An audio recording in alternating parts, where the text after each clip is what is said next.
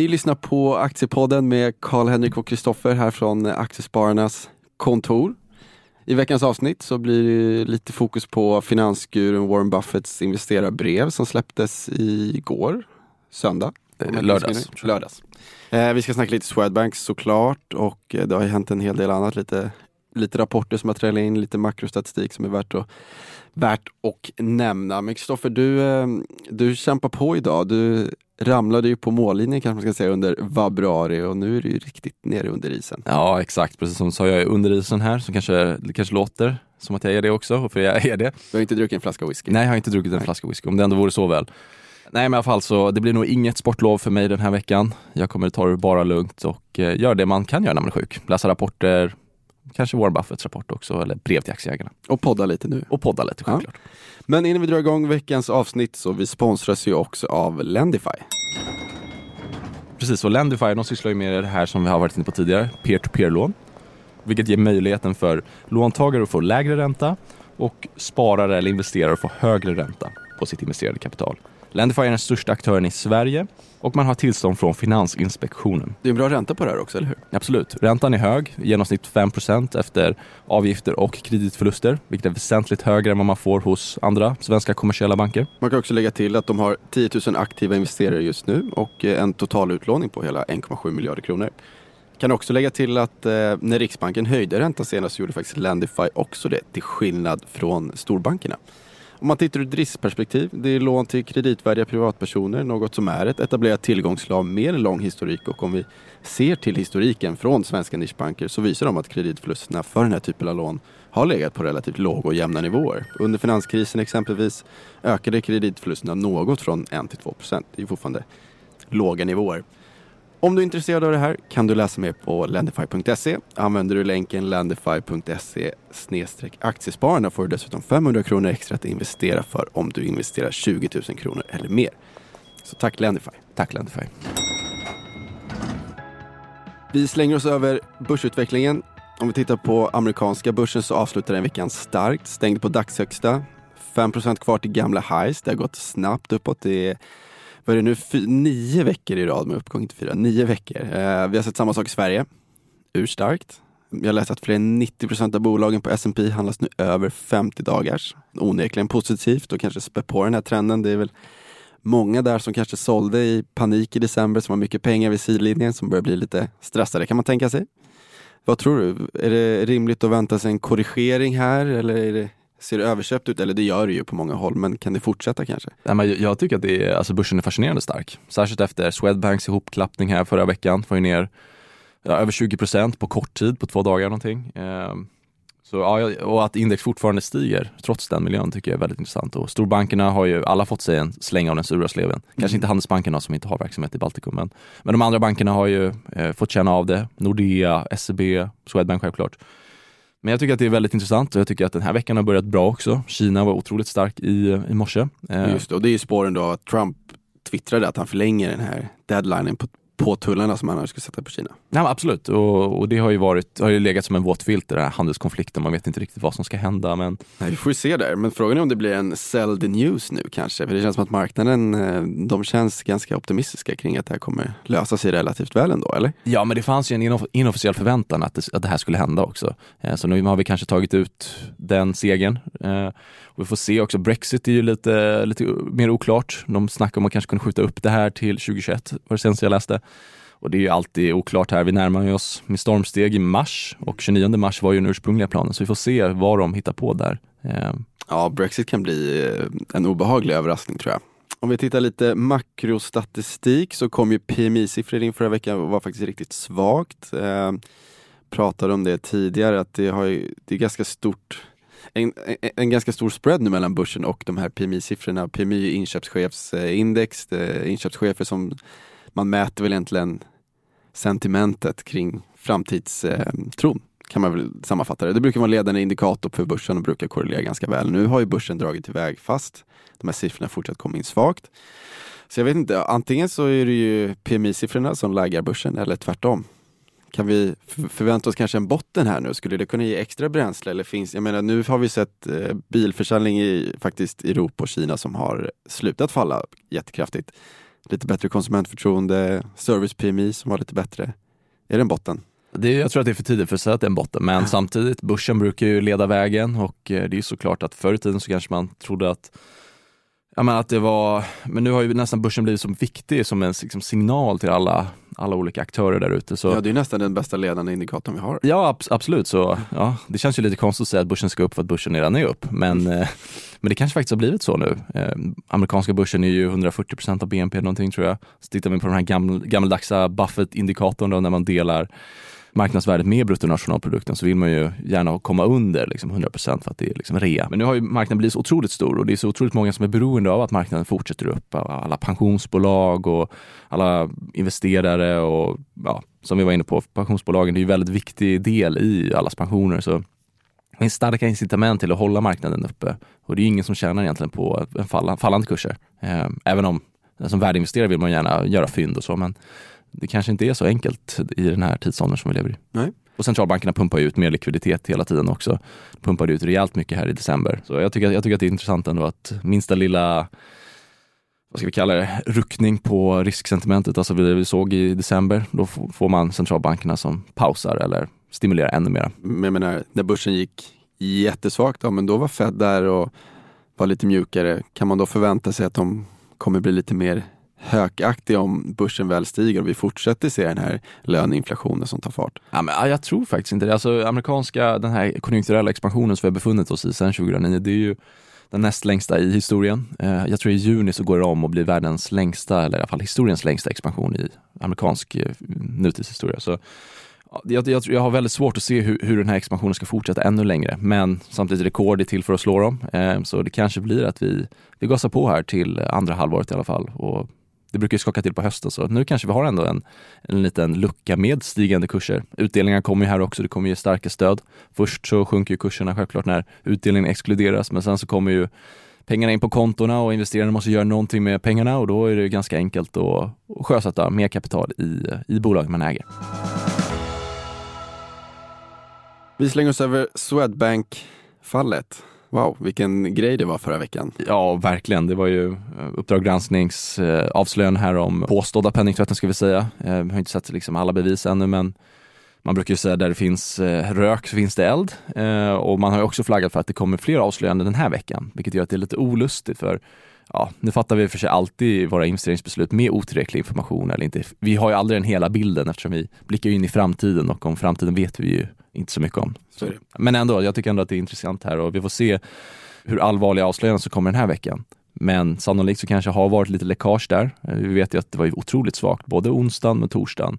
Och då var aktien ner drygt 20 procent Ja, För att sen rekulera upp på fredagen 5 procent. Dels efter det var, lite, det var en hel del insynsköp faktiskt. Ja men precis. Under torsdagen. Ja, eh, kanske inte jättestora belopp Nej. i absoluta tal men ändå en eh, ja, men det, är, det är en, skön, en skön sak att se när in, insynspersonen väl ändå, ändå väljer att mm. köpa, köpa aktier Men det är ju verkligen väldigt, väldigt osäkert läge.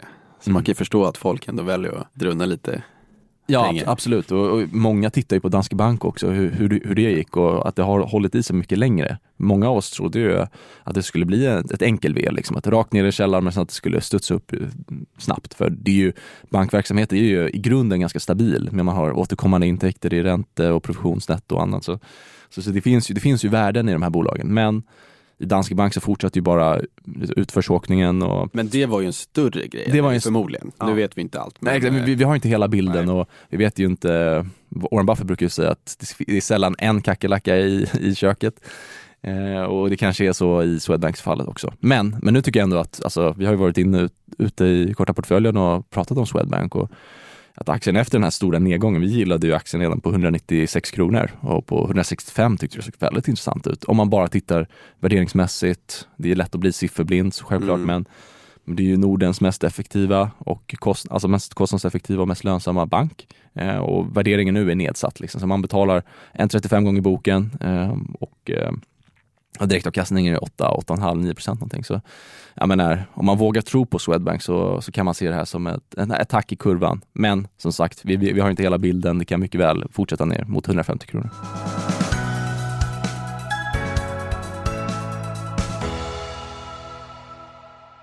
Vi eh, fokuserar lite på Warren Buffett. Då. Han kom med sitt investerarbrev. Du har läst det. Eh, Q4 var väl sådär. Var väl framförallt innehavet i Kraft Heinz som var riktigt pissigt om man får säga så. Det är 8% av Berkshire-portföljen. Jag menar den Craft-rapporten bjöd på allt från bokföringsfiffel till nedskrivningar på 15 miljarder. Det var sämre outlook, sämre siffror än väntat. Eh, Kort och gott en katastrofrapport. Ja, verkligen. Men äter du ketchup på dina pannkakor? För det här var en riktig pannkaka. Nej, det gör jag faktiskt inte. Nej, inte jag heller. Nej. Men det kanske skulle behövas för att stödköpa Heinz Ja. lite. Nej, men jag, jag, jag är en trogen Heinz, Heinz-förbrukare, men Ja, eh, jag köper alltid Felix. det är för sig Orkla, det är kul. Måste stödja svensk och norsk industri. Hur som helst, eh, jag tyckte att det var jätteintressant att läsa Buffetts brev till aktieägarna. Brukar göra det varje år. Det var lite kortare det här året, 14 sidor nu. Eh, Men Buffett, ja, som vanligt så går han på aktuella ämnen. Han pratar om återköp, han pratar om vad ska vi kalla det, earnings management eller att man masserar eh, siffrorna för att tillmötesgå Wall Street eller ja, den här förväntansbilden som finns. Det vet vi ju att ingen, ingen företagsledning vill ju komma ut med en riktig sån här kalldusch och ser de aktiekurser rasa, optionsprogrammen blir inte lika värdefulla utan man vill ju ha en liksom, stigande trend i, sin, i sitt egna bolag för just ja, men upprätthålla sina egna ersättningsnivåer bland annat. Men han sa ju det i, i brevet bland annat att ja, men när man börjar, det kanske börjar med en här oskyldig justering eller vad man kan kalla att man framlastar efterfrågan lite eller man ja, planerar. För det finns ju så att redovisning är ju som en gummiboll. Man kan justera den lite ut, utifrån eh, hur man ser på framtiden och avskrivningstakt. Man kan påverka mycket som företagsledning. Och det vill man ju också för att man vill ju ha ändå så representativt som möjligt. Och ja, men om det bara är ett statiskt stelt system så blir det inte jättetrevligt. Liksom. Man måste exempelvis goodwill, om det ska skrivas av linjärt så påverkar det resultatet väldigt mycket. Men han gav också en känga till de här justerade ebitda-nivåerna. Och vad gör man då? Då justerar man för alla kostnader i princip. Ja, ja men precis. Och då, en, en, en sak som han flaggade för var ju att man inte kostnadsför eh, optionsprogram till management. Liksom att det har att det är en, en gåva från. Ja, Ja, det, är, det, är ingen, det är ingen kostnad. Utan. Eh, så, så det tyckte jag var lite intressant. Ja, jag tycker man ser många bolag också som presenterar en just, justerad ebitda och det är ju ett tramsmått egentligen. Så ja, man, i alla fall rörelseresultat ebit tycker jag är bra att kolla på. Och sen så kan det ju självklart vara extraordinära kostnader och omstruktureringar och annat. Men han sa ju att i, i normal företagsamhet så kommer det ju naturliga omställningsbehov och det blir naturliga kostnader. Så då är frågan, ska man justera för de här kostnaderna eller ska man ha, se det som en naturlig del i ett företag att man, man har omstruktureringar? Ehm, Så, så det finns ju de här bolagen som ständigt har de här omstruktureringskostnaderna. Och titt, man brukar ha det här, titta här, titta inte där-tänket. Men jag, jag tror att det, det skadar på lång sikt Mm. faktiskt. Det är lite intressant här, nu ska vi inte gråta ner oss för mycket i det, men det här med hur man väljer att skriva av olika tillgångar. Du kan ju göra rätt mycket där som bolag som det kan vara värt att hålla koll på. Avskrivningstakten exempelvis, väljer du ta tre år eller fem år eller hur väljer du justera där? Exakt. Hur det påverkar resultaträkningen helt enkelt. Ja men precis, och jag tycker också det var intressant att titta på vad Buffett gör också. Han brukar ju säga en sak och göra en annan. Eh, Tittar vi i hans eh, brev så säger han att de har 112 miljarder dollar i statspapper som är någon form av kassaliknande position. Så han, utöver det har han 20 miljarder dollar till i andra former av obligationer. Eh, och han sa också att han, han vill alltid ha en kassa, minst 20 miljarder dollar. Men han är också sugen på att göra något större köp. Eh, som ni vet så är Berkshire har ju dels noterade innehav, liksom där man äger delar av bolagen, men också hel, helägda dotterbolag. Eh, och man vill ju, eller han vill i alla fall göra ett större elefantköp, som man kallar det.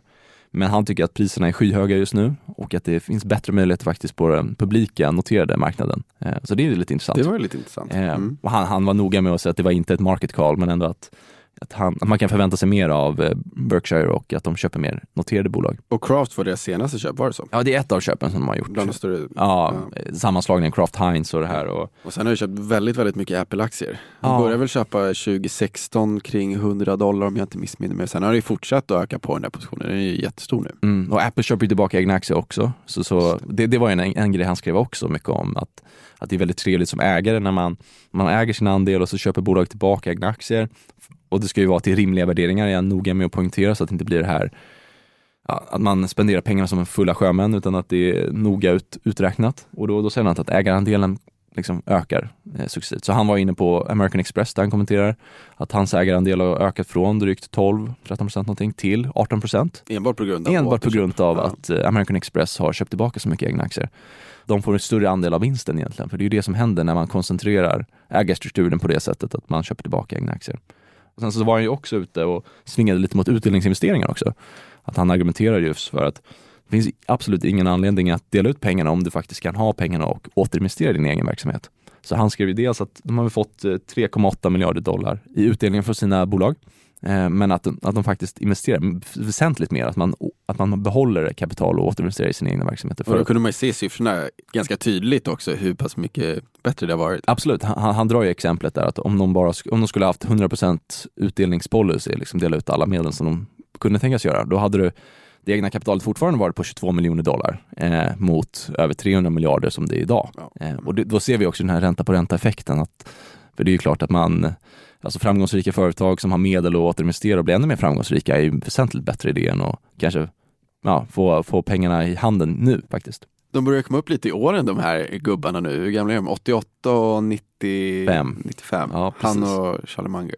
Så de är ju väldigt erfarna om man är snäll, men samtidigt Exakt. så det kanske börjar bli dags att ta ett steg tillbaka. Och vi får se vem som blir ersättare här, för det kommer bli en stor grej. Ja, verkligen. Men som sagt, försäkringsrörelsen är ju väldigt stabil och man får ju de här, den här floaten som man investerar i spännande bolag och så, men jag tycker att det är jätteintressant. Eh, även om man, man kan ge en liten känga till Buffett när han säger att man kunde köpa en eh, indexfond för 77 år sedan. Han, han köpte själv sina första aktier när han var 11 år.